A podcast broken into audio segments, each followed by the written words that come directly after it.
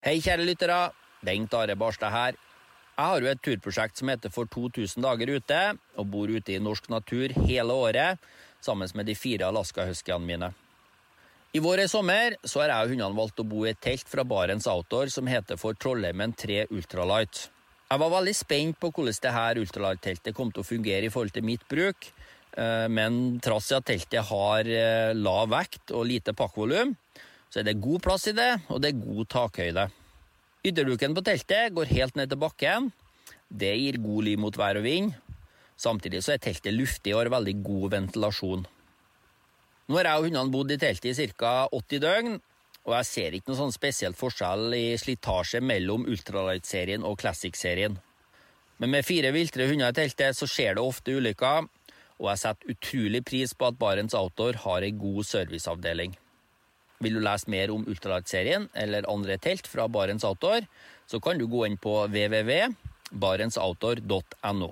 Og så må du huske på det at den første reparasjonen på et Barents Outdoor-produkt, den er bestandig gratis.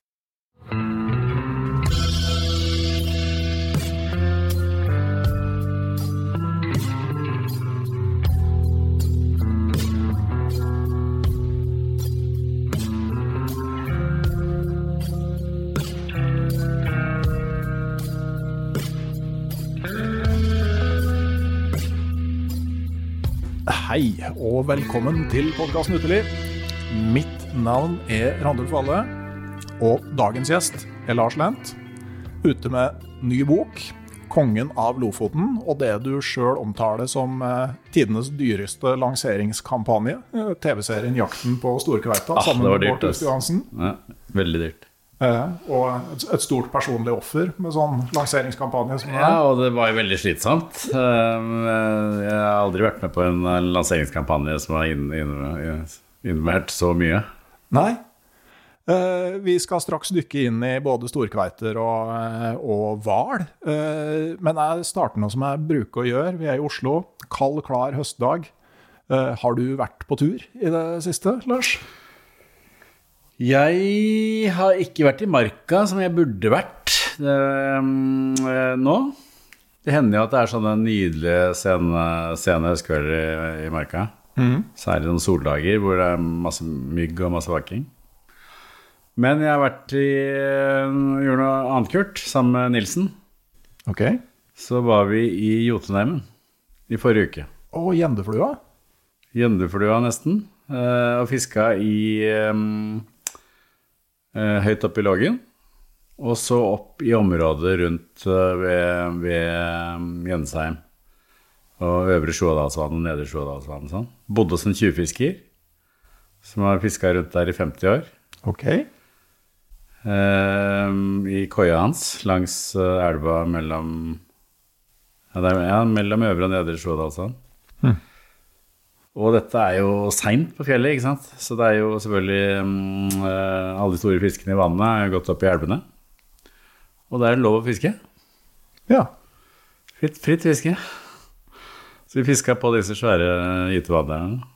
Og da stå liksom og se opp på Besseggen og stå og, og kaste Og vi fikk også en del fisk.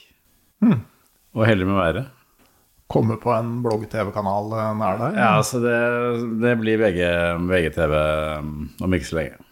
Høres eh, veldig spennende ut. Ja, det var veldig, veldig gøy, altså. Og, og, sånn, og igjen, hvorfor, hvorfor, var, hvorfor var vi de eneste der? Det er, liksom, det er stort sett forbudt å fiske i alle elver. Der er det lov.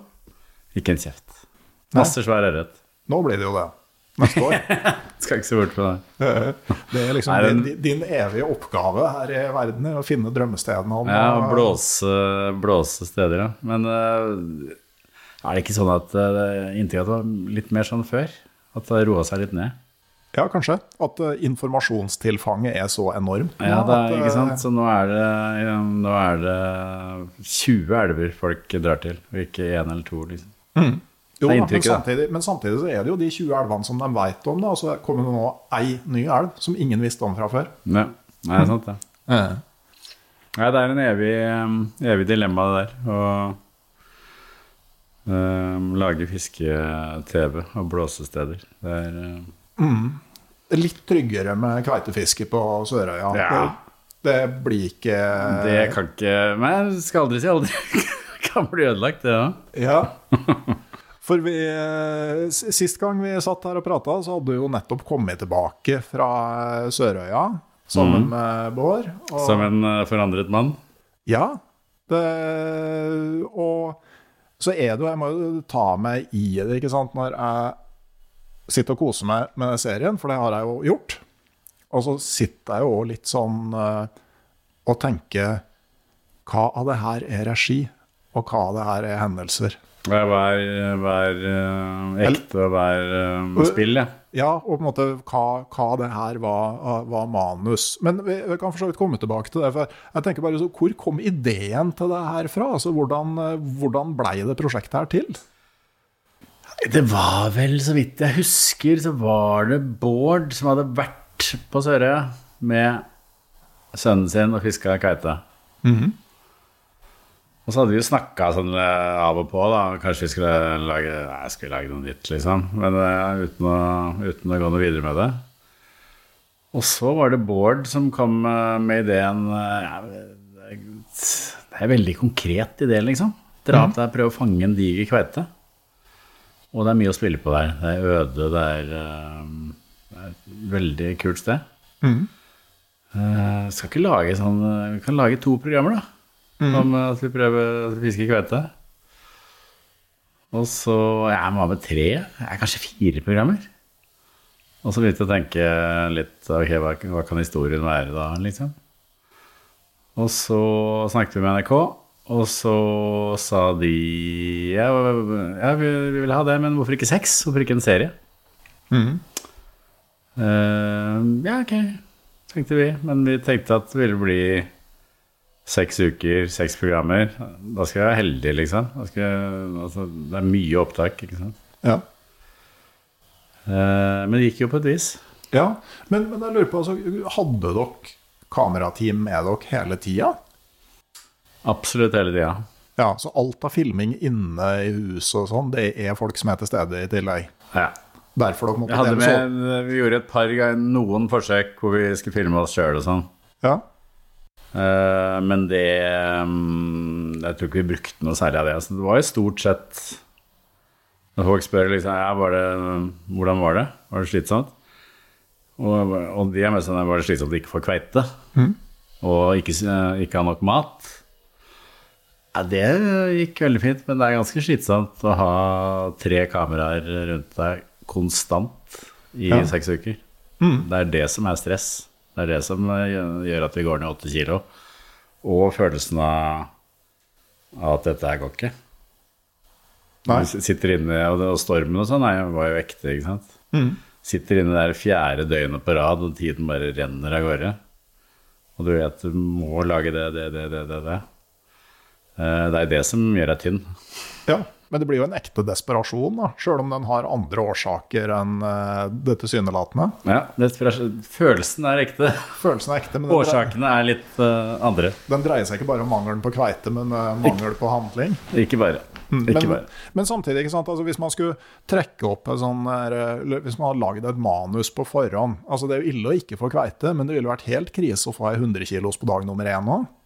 Ja, det ville vært uh, veldig krise. Så vi hadde jo en plan om at vi, det kan vi ikke, ikke sant. Vi er, så vi hadde en sånn Vi har risset av en historie, da. Hvordan vi regner, håper at det skal bli. Men så vet vi jo at det her kommer til å skje mye rart. Så det, vi kan jo ikke skrive et manus vi skal um, følge slavisk. Nei.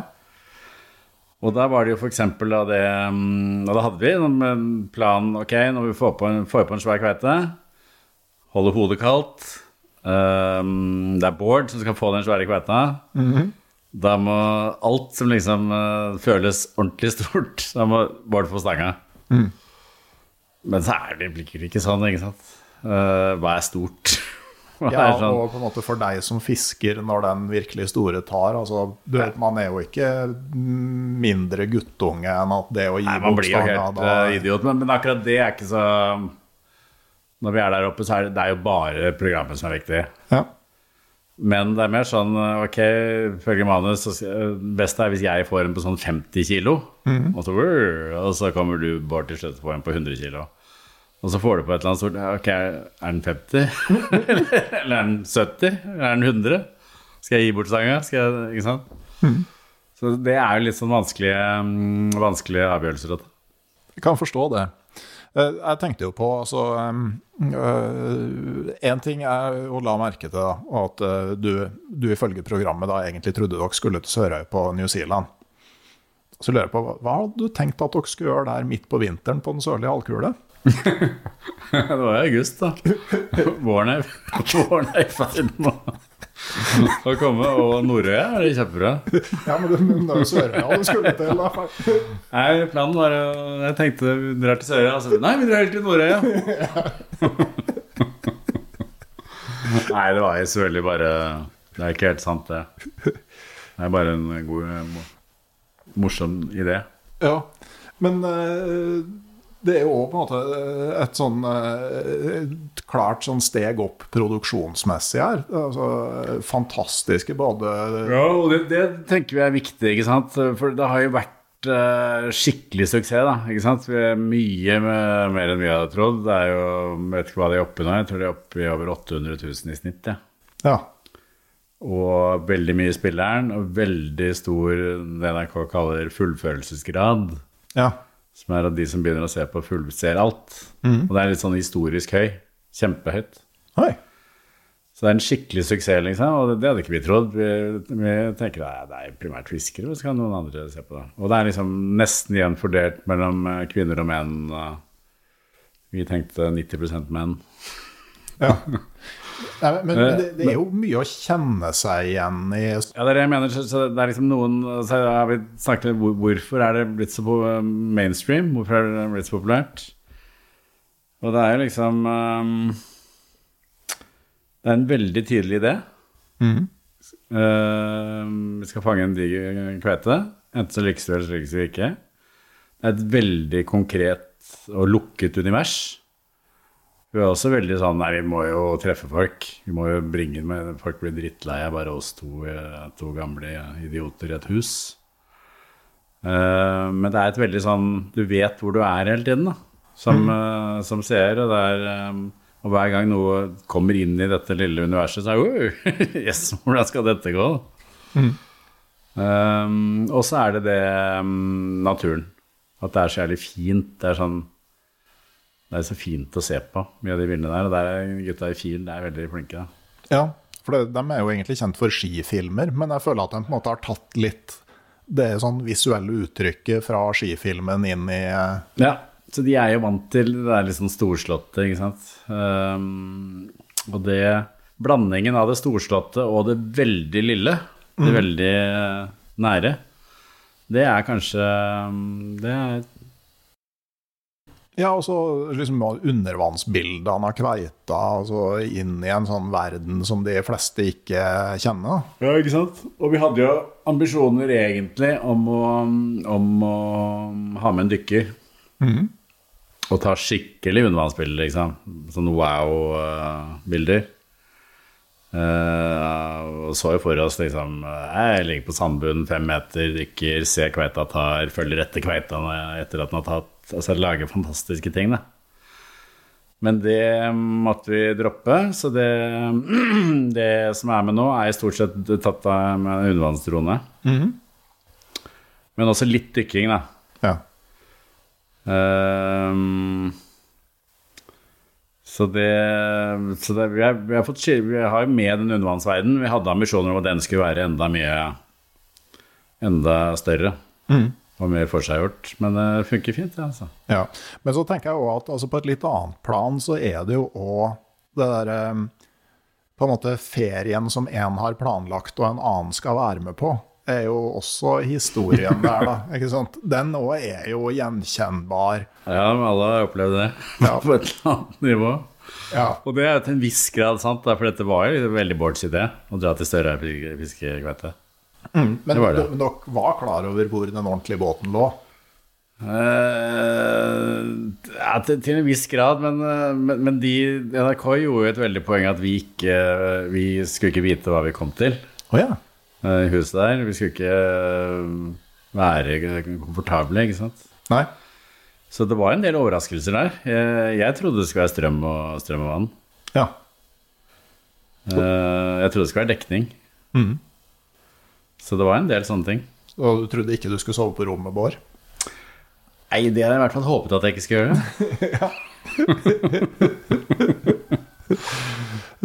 Men, men og det der liksom sånn Nå skal vi leve av Nå skal vi skaffe proteinene våre sjøl. Ja. Det, det Bård er jo tynn på slutten der. Ja, vi gikk, eh, vi gikk faktisk ned henholdsvis 7 og 8 kilo, altså. Men det var som sagt primært Altså, vi, vi, vi lagde jo en greie ut av at vi ikke spiste. Vi spiste jo litt mer enn uh, du får inntrykk av. Ja, Vi også- hadde, jo, vi hadde jo tilgang til fisk hele tiden. ja, jeg tenker det, det virka jo ikke så veldig vanskelig å få noe sei. Nei, så vi spiste mye agn. Ja. Vi hadde ubegrenset med agn. Ja. Nei da, vi fikk jo også en del småkveiter eh, underveis. Eh, men, eh, men det var liksom Det var veldig sånn sunn, ikke sant. Eh, Vi jobba jo 17 timer i døgnet. Alltid noe å gjøre.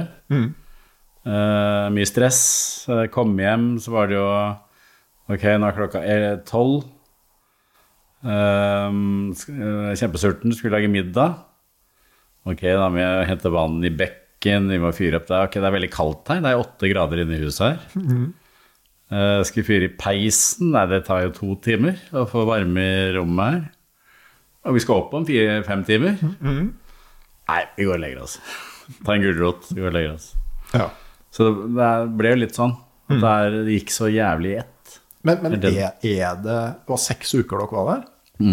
Men eh, på en måte, hvor lenge er det moro å fiske kveite fra båt? Er det moro i seks uker? Nei, Det i seg selv er jo ikke moro i seks uker, men eh, vi måtte gjøre så veldig mye annet rart. Da, ikke sant? Vi følte hele tiden vi her må jeg innholde, må jeg innholde, må jeg innholde. vi er på turer. Og grunntanken før vi dro opp, var jo at det der kveitegreiene, det er, det er ikke noe problem. For det, eh, vi bare får alle de kveitene vi trenger. Og så kan vi gjøre alt det andre. Skal vi dra og fiske ørret, lage jævlig fete ørret på stille vann, ikke sant, mm. på Sørøya. Eh, Fiske røye, mystisk røyvann, sjøørret, dra inn og fiske laks. Gjøre, hadde masse planer, da. Men så ble jo de kveitegreiene mm, mye vanskeligere enn vi hadde trodd. Selvfølgelig. Ikke helt overraskende. Og det skal sies at eh, det var, ikke bare udyktighet fra vår side, det var den dårligste liksom, august, kveiteaugusten på Sørøya i mannens minne. Ja.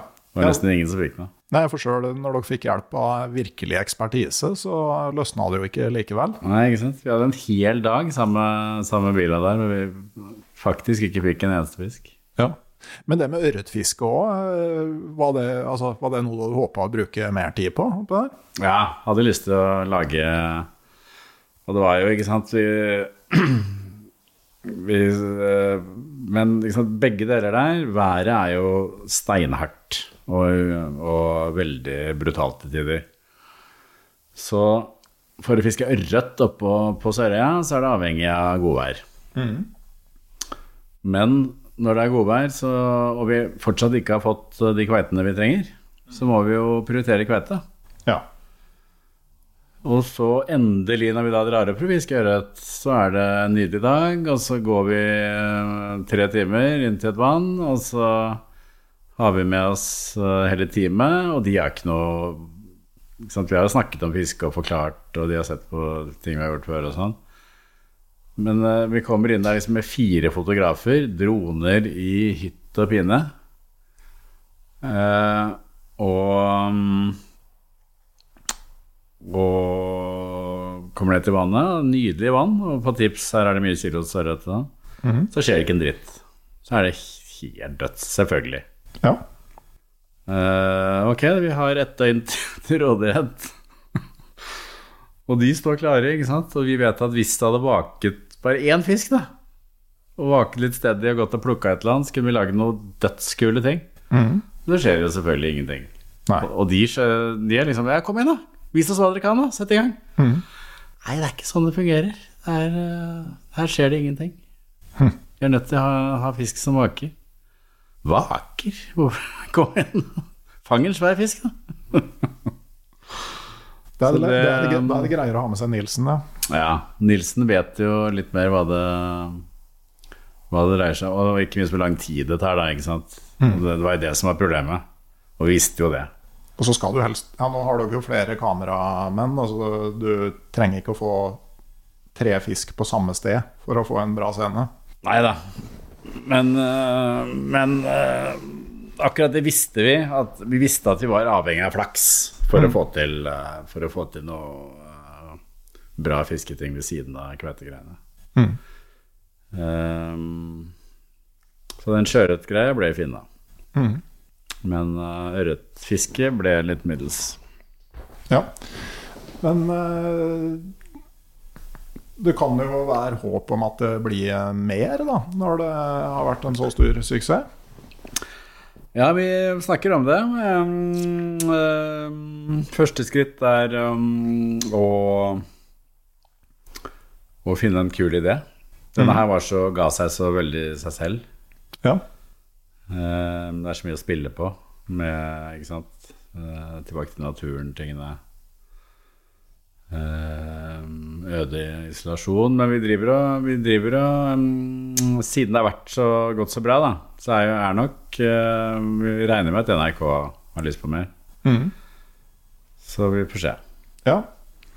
Håper det kommer noen gode ideer. For uh, Sik, jakten på monstersiken. Monst ja. Contradiction in terms. Men det altså ja, Jakten på Monsen-siken. Ja, Du kan jo prøve å eh, dra til fjellet og ikke komme ned igjen før du har slått Julius Ytterborg. Jeg er en sånn worldwide fisherman, jeg, Ja. som han sa. Men norgesrekord på sik på er det 4,5 kilo, eller noe sånt? Ja, er det ikke 4,7 eller noe sånt? Ja. Eller 4,2? Jeg er usikker. Da får du være med i Fly Fishers Club i London. Ja, Det er vel eneste nordmann som var medlem der. ikke sant? Han er en, som han selv sa, en worldwide fisherman. Ja, ja men eh, det, det, jeg ser gjerne den, altså. Det kan bli mye frustrasjon på eh, veien deg det. mot eh, Dag 270 oppe ved Gårde, gal, hva heter det, Galtestrømmen. Galstrømmen. Galtstrømmen. Jeg tror kanskje Kautokeino kommune er stedet for Ja. å slå den rekorden. Jeg tror kanskje, men ja, jeg tror det er så svære sik der oppe. Det er veldig stor fisk der, sik der oppe, og den er mm, sånn i samiske delene av Finnmark, så er jo siken veldig høyt. Ja, de er mye mer opptatt av sik enn ørret. Ja, for det, det er jo noe med at den er veldig lett å konservere og sånn. Ifølge Nilsen så var jo det liksom hvis du skal preppe, så, så skal du få deg et sikvann. Ja, ikke sant? Så det Jeg vokste opp med å fange sik i garn på Storsjøen. Ja. Så vi hadde, vi hadde fryseren full av sikk. Og spiste masse sikk hele vinteren. Så jeg hata jo sikk. ja. ja hvordan sikk smaker, egentlig? Nei, veldig ligner veldig på harr, da. Ja. Men fastere i kjøttet, eller? Ja, sikkert. Sikkert litt fastere i kjøttet. Ja, for harren den holder seg jo ikke i det hele tatt, liksom. Nei, den faller litt, men, eh, men veldig fersk harr. Rett fra elva. Det er kjempegodt. Ja, med nok smør når du steker Ja. Mm. Ja, nydelig. Vi eh, Jeg vet ikke om jeg sa det, nevnte det sist, men vi ikke så lenge siden fikk vi en var et sted, Østerdalen, fikk vi en kilos ørret og en kilos sånn 1,3 harr. Kjempeharr. Bakte begge deler i tinnfolie på bålet. Harren var desidert best. Ja. Og den er jo en sånn takknemlig art for fiskerne. Så er det noe å vake etter, så vake den. Ja, jeg er jo gæren. Det er bare um, ubegripelig at den ikke blir sintere når den er krukka. Ja, bare står og nikker. ja, ja, ok, Men- greit. Ja, ok, jeg blir min. Ja, ja, ja. Det, Samtidig rasjonelt. Mm. ja, da, Det er i hvert fall hvis, du etter hvert skjønner at det er catch and release disse folka driver med. ja, ikke slite det så veldig ut. Men jeg har litt sånn traumatisk forhold til harr, fordi en del av de elvene jeg fisker laks i, også har harr. Ja, det er forferdelig. da er det nedtur, altså. Ja, ja, ja, veldig. Når du får liksom Der satt den, og sånn nikk, nikk, nikk, nikk, nikk. Det er ikke noe moro. Og samme, ikke sant, hvis du er ute etter stor ørret i Finnmark, så er det jo fryktelig mange steder hvor det er latterlige mengder med stor harr. Og det vil man ikke ha. Nei. Og det, og det er jo sånn eh, Hans Lidman øh, som skriver han fisker laks oppe i Shiokka. Eller han sier han får ikke fiska laks. Han må bare gå et annet sted, for konsekvent når flua lander, så blir den tatt av en harr. Ja, det det det er, så mye. Jeg har opplevd det samme rundt lakse, lakseelv og noen sideelver. Mm.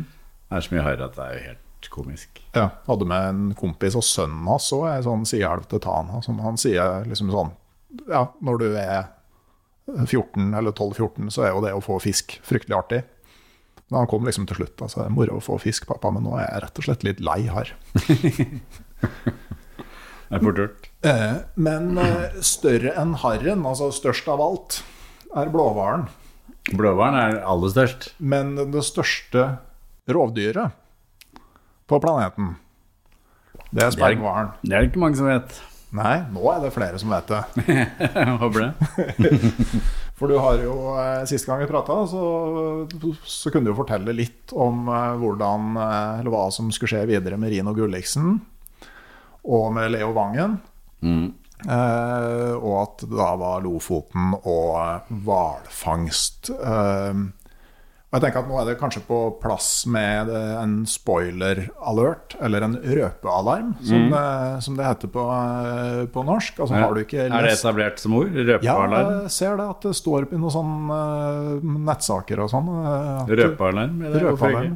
Ja, mm. det, det, er jo for så vidt betyr det samme, bare litt mm. uvant. Mm. Men du kan jo, hvis du har lyst til å bevare spenningen, så kan du jo trykke pause nå, og så kan du faktisk da bare laste ned e-bok av eh, Kongen av Lofoten. Lese den, og så høre videre etterpå. Mm. Mm. Uh, ja, for det, det, er jo måte Det er jo Lofoten som er åstedet, og temaet er hvalfangst. Og du har jo vært innom ikke sant, byggebransjen, oppdrettsnæringa, ulvedebatten, vindmøller og innvandring. Og det slår meg at hvalfangst er jo på en måte veldig lite omdiskutert og kontroversielt i samfunnet i forhold til alle de andre temaene du har vært borti. Ja, det er en bitte liten ting, selvfølgelig. Ja. Bitt, bitte liten. Det er litt vanskelig å finne noe som er noe særlig mindre.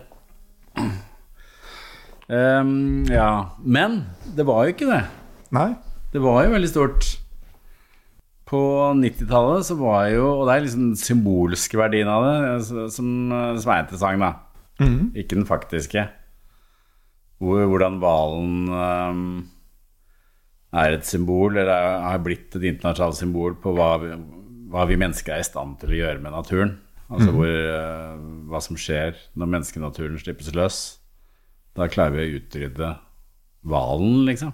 Mm. Um, og det var da grunnen til dette moratoriet, forbudet som kom i, på 80-tallet. Som alle land i hele verden undertegnet. Uh, for dette har gått for langt. Nå, er, det, nå er det ikke noe hval igjen. Mm. Men ikke Norge. Og ikke Japan. Og Japan uh, reserverte seg, men de, de, de, drev bare med forskningsfangst etter hvert. Men nå er det, ja, det er fortsatt bare forskningsfangst i Japan. Island er vel det eneste som også har hatt kommersiell uh, matfangst, sammen med mm. Norge. Men det har også vært sånn av og på. Ja, Færøyene da, med grindedrap og sånn? da? Nei, Det er bare sånn urfolk, eh, sånn tradisjonsting. Det er noe annet. Det er litt sånn morsomt. Altså, noe sånn tradisjonsting og noe forskningsfangst. Og litt som forskningsfiske etter laks i Våsto. Ja, ikke sant. Akkurat det samme. Mm. Hvis du kommer inn i den forskningsfiskeverdenen, da er det ubegrensede muligheter. Ja.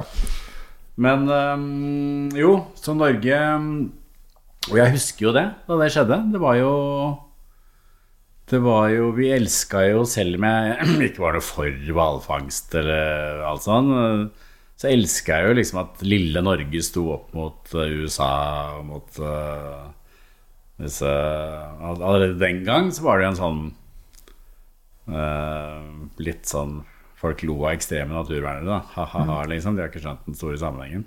Mm. Fanatikere. Mm. Uh, Disney-folk, særlig hvis de kommer fra USA. Mm. Og ikke, og jeg har ikke helt kommet dit hvor kaffe latte var et skjellsord ennå. Nei, så det var sikkert bare um, Ja, sa sikkert noe annet. Men det var um, Det var uh, uh, interessant å, um, å se Altså, man skjønte jo Man var jo imot eller i hvert fall folk som meg, da. Vi var imot hvalfangst. Syns jo at det var teit, men, men syns også det var teit den der begrunnelsen fordi hvalen var så søt. Eh, og vi likte jo liksom Vi har alltid heid på fiskerne. Fiskere har alltid heid på. Er folk som bor på kysten, du vokser opp i Bærum og er interessert i eh, jakt eller i hvert fall fiske. Så heier du jo på de gutta som liksom lever der, og som driver med det. Eh, men det var altså litt sånn vanskelig ting å forholde seg til. Ja, For Rino Gulliksen så er ingenting vanskelig å forholde seg til. Nei, han er veldig tydelig. Og Ja. han er fra Bærum. Ja, Men i hvert fall etter, ikke sant, så kom det moratoriet, og så Norge eh, sa nei, det, det nekter vi å forholde oss til. Vi vil fortsette, fortsette å jakte hval. Og så slutta resten av verden å gjøre det, bortsett fra litt eh, Island og litt Japan. Og så utover på 90-tallet så ble jo dette en kjempesak, ikke sant? Og, det, og den i hvert fall mest omtalte saken i, for miljøbevegelsen. Med han uh, Watson og, Watson, og. Greenpeace og, og Sea Shepherd. Sea Shepherd, ja. Og det var, var jo veritable sjøslag uh, utafor Norge, ikke sant? Eh, I Lofoten. Og, de senka jo hvalskuter som lå, lå til kai. Det var sju stykker her i Lofoten. Sju-åtte stykker. Og også en i Fredrikstad. Det var den siste. I, i 2011 eller noe sånt. 2012. Onsøyværingen. Og det, og det var jo massivt. Og, så, og Norge sto imot, liksom. Og, og så bare fisla det bort og forsvant. Og så mm, tror jeg det var litt, av grunnen til at Watson og gjengen da droppa liksom norsk hvalfangst og, og snudde mot Japan i stedet. Ja, for det ble jo sånn Discovery-serie. Ja, ikke sant? Uh, Whale Wars, eller hva det heter, hvor de, hvor de dundra løs. Kanskje det var litt enklere å angripe japanerne enn eh, enn nordmennene. At det var lettere å få sympati. Jeg vet ikke. Nei? Eh, Så den norske vågehvalfangsten bare forsvant totalt under radaren. Ingen snakker om det. Og det er ikke mange dyr, ikke sant. Det er jo sju med Kvoten er på sånn 600-700 dyr. Av en bestand på 100 000. så Det er helt uproblematisk. Og, og eh, sånn rent sånn bestandsmessig. Men det man unnlater å si, og som er, jeg syns er veldig interessant, er jo at ok, hvorfor er, det, hvorfor er den bestanden så høy, selv om, eh, selv om vi dreper 700 i året? Jo, det er fordi alle andre har sluttet å drepe dem. så ja, den bestanden er stor, den, og vi kan fortsette med det vi driver med. Men det er fordi alle andre har slutta. Ja. Og det er det ikke så mange som uh, snakker så høyt om. Nei. Og kanskje ikke så veldig sympatisk. Nei. Men igjen, Rino Gulliksen er på saken. Rino, um, Rino har jo her i boka Hva sier man? Relokert? Re relokalisert? Relocated til Lofoten. Gjemmer seg i Lofoten. Han er fortsatt på, på rømmen.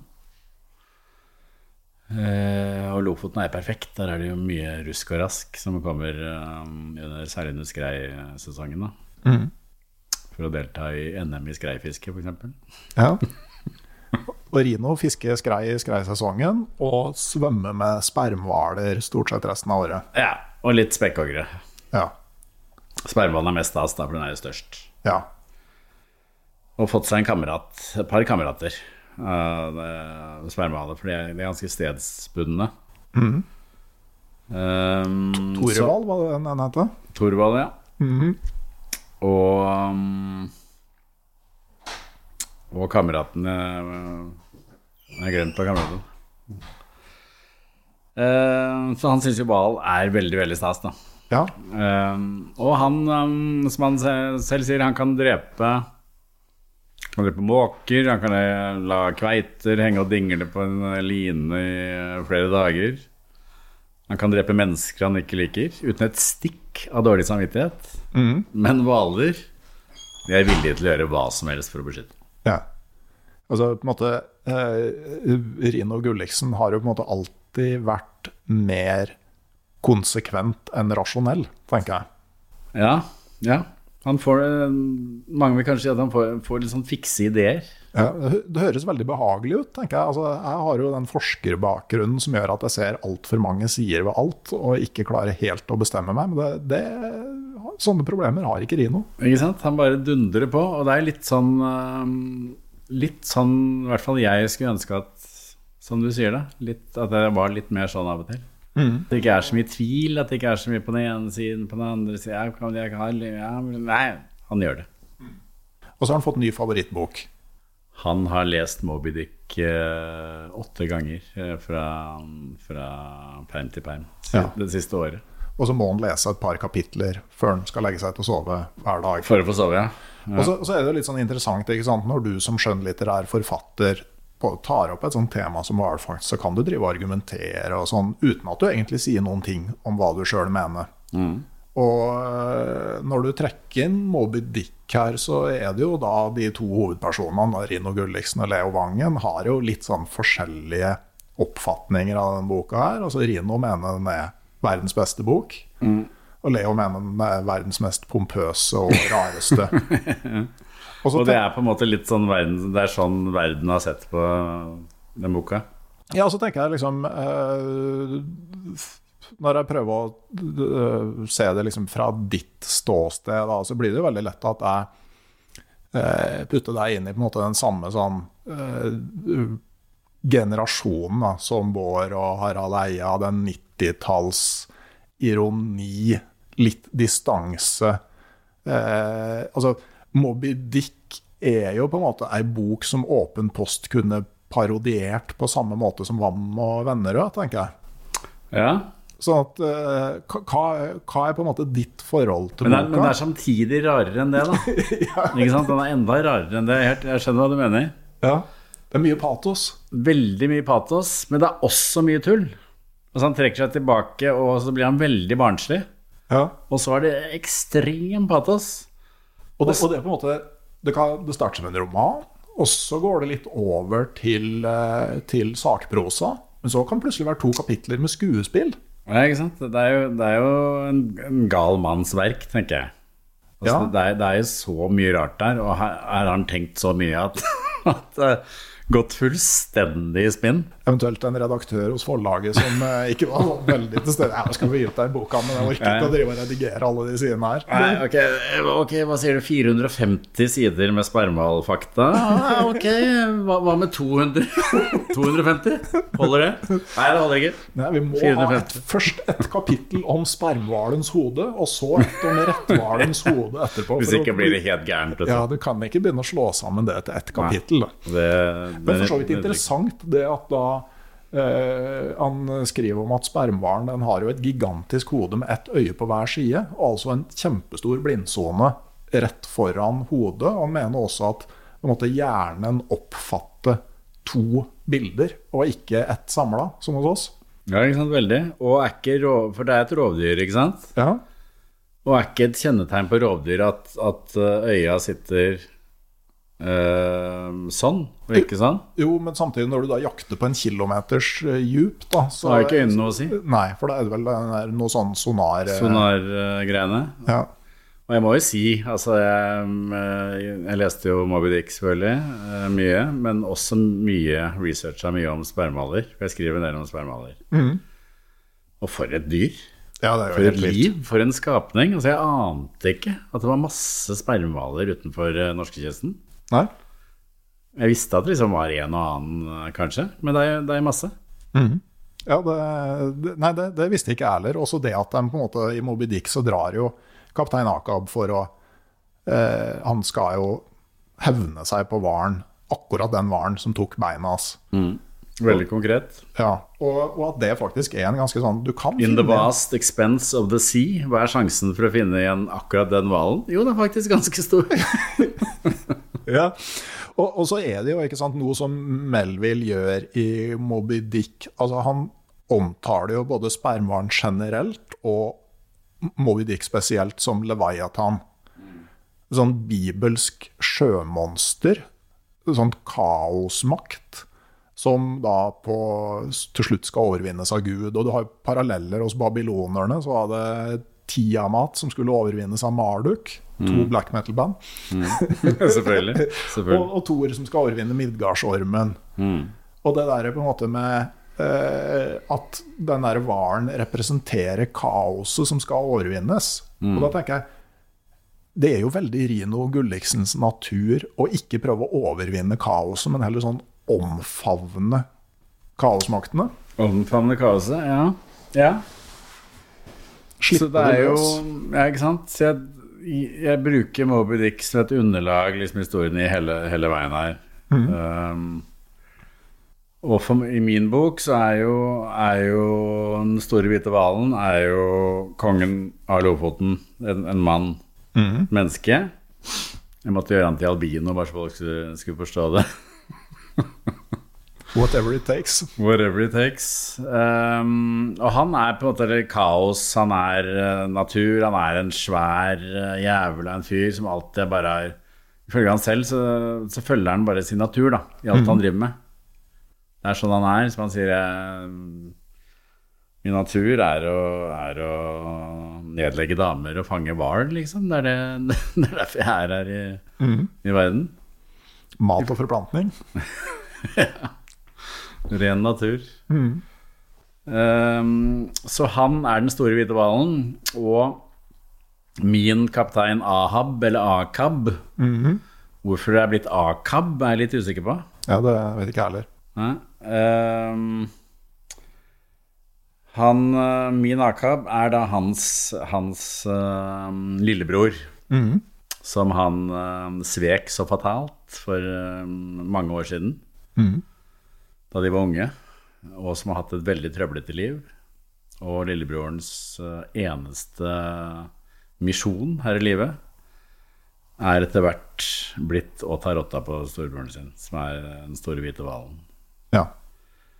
Um, så det er jo han som er Som vil ta han av de grunnene der, da.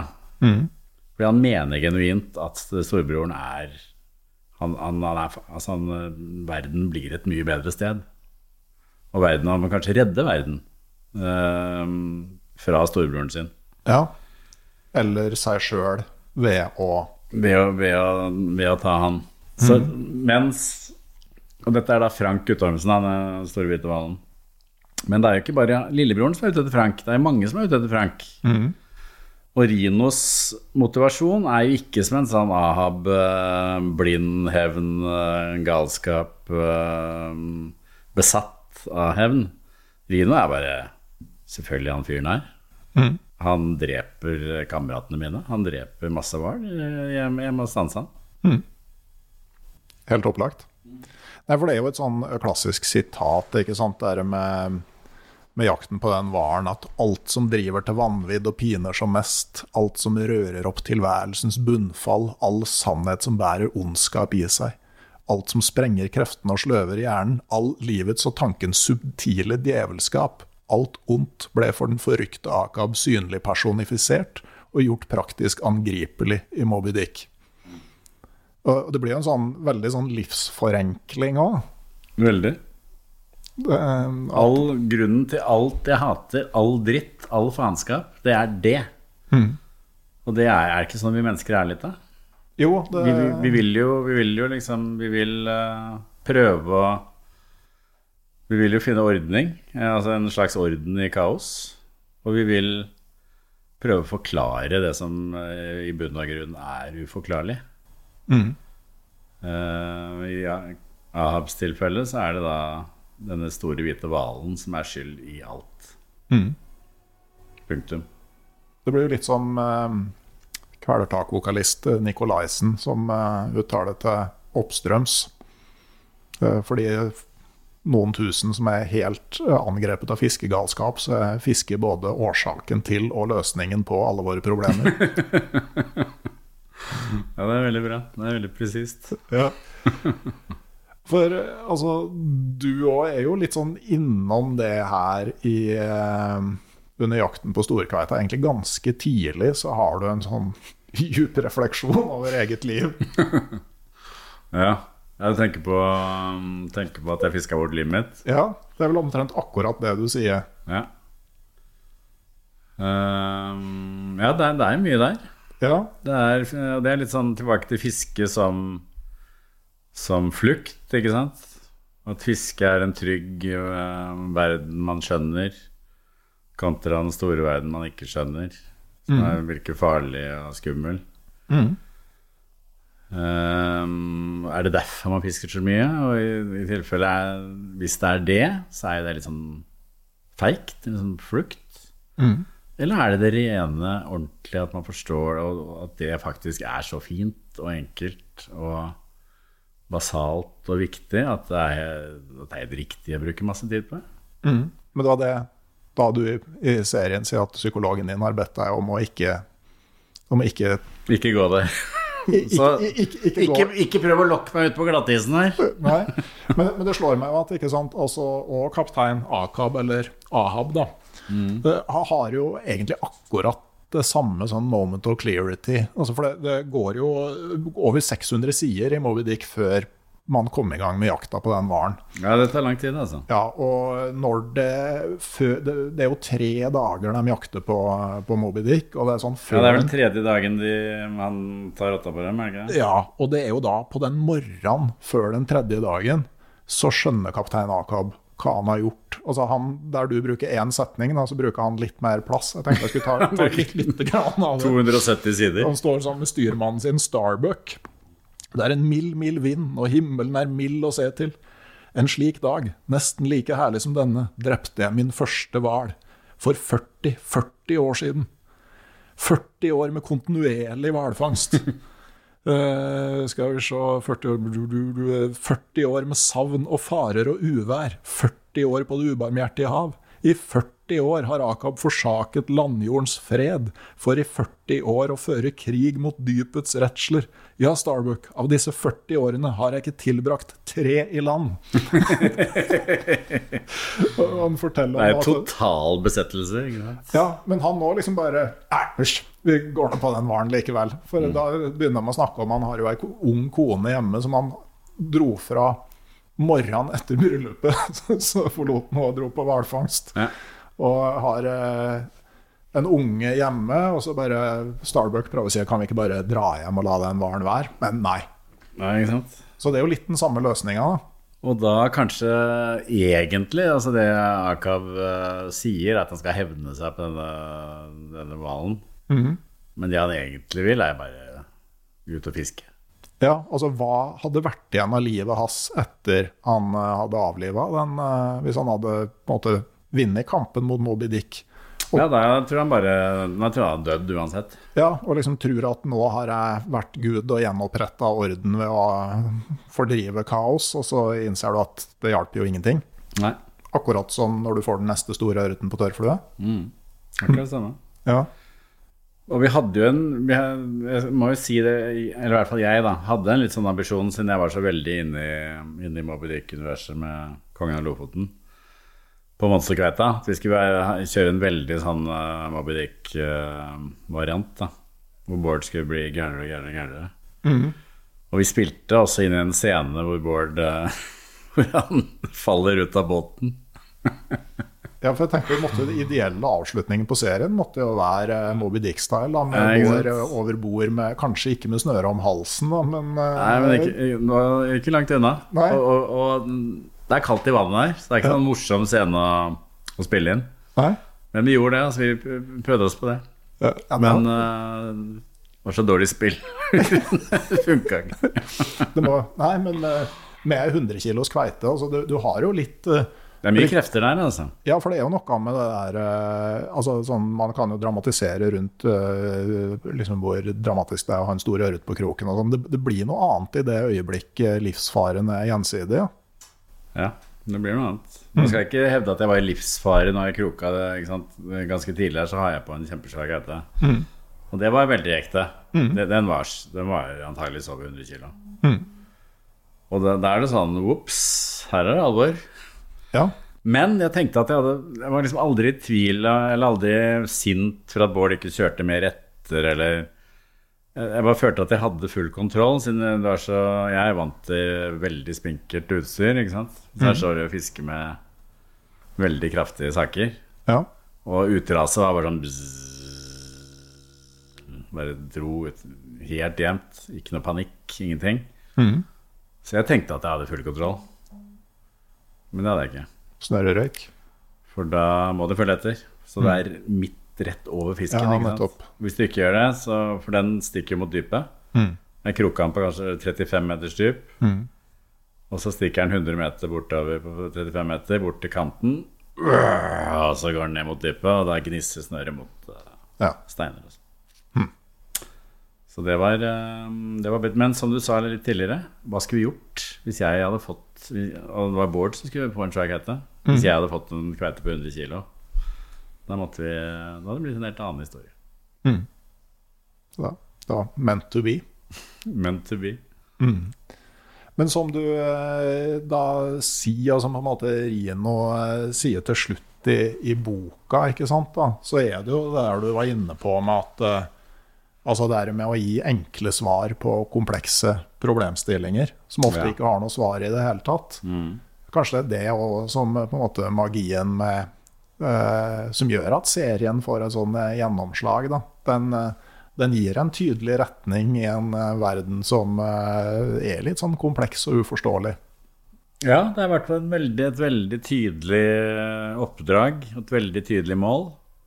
I en veldig forståelig og avgrenset liten verden. Eh, og det tror jeg folk liker. Da kan man slappe av, tre inn i den der eh, rare greia der. Eh, åpenbart. Så det Ja, det er noe der. Ja. Du sa sist at du vurderte å ta livet av hovedpersonene. Uh, eller at du ikke var sikker på om de skulle overleve. Uh, kan kan jo si såpass som at det er nok personer igjen til å, til å fortsette historien. Jeg syns til og med du har rydda opp litt i livet til Leo. ja, det? Ja. Begynner du å bli for glad i dem, eller? Ja, og nå må jeg jo Nå er det et lite barn å forholde seg til, da. Ja. Så um, Nei, jeg har, ikke noe, jeg har ikke noe veldig konkret idé på hva jeg skal um, gjøre videre. Nei. Men det er jo fristende å gyve løs på um, Jeg har jo latt oljenæringen slippe altfor billig unna. Oi, oi. Det her blir ikke pent. Så nei, vi får se. Du må love at du ikke utsletter hele Hammerfest. Da. Det skal jeg love. Ja. Det skal jeg love. Det høres veldig bra ut. Eh, tusen takk for at du stilte opp, eh, Lars Lent. Bare hyggelig. Veldig Ja. hyggelig. Eh, Hvordan har lakseboka di gått, forresten? nei, eh, faglitteratur eh, Det er ikke så enkelt å komme inn i, eh, Nei, det er vanskelig, ass. i Å komme inn i den anmelderkarusellen. Nei, jeg kan trøste deg med at det er vanskelig med skjønnlitteratur også. Ja. Det er jo stor trøst. Det er common destiny. Ja. Eh, Så, men jeg satser på å bli litt som Moby Dick, at den først blir oppdaga 100 år etter at jeg er borte. Ikke sant? Han solgte jo da 600 eksemplarer i England Ja, av den. Eh, Det er omtrent noe sånt du har solgt i Norge. Kanskje litt mer. ja jeg vil tro det ligger der. Om 100 år. Ja, Så blir det Modern classic. Ja. Det, det får, vi, får vi satse på. Jepp. Jepp. jeg spør jo alltid til slutt. Fin ok oktoberdag i Norge. Fritt valg. Hvor i verden ville du vært hvis du kunne vært et annet sted akkurat nå? Ah, Cuba. Cuba. Ja. Ikke sesongstart på Sørøya i New Zealand, altså? Nei, kanskje vi står litt mellom Sørøya. Altså en fin dag på Sørøya. Ligge og drifte. 40 meter. Fem, eh, fem eh, sekunder mellom fire og fem sekundmeter drift. Nei, jeg må, jeg, jeg må allikevel velge Cuba. Altså. Ja. Og så, sånn som sist. Får du permit, eller blir det for mye? Jeg tror jeg aldri skal få noe mer permit. Det skal være sånn evig, litt som Ahab. At Ja. jeg jakter og jakter og jakter. og jakter. Livet blir rett og slett litt for ferdig hvis du får en permit. Ja, Ja. da vet jeg ikke helt jeg skal, hvor jeg skal finne mening. Nei. Det høres veldig trygt og godt ut.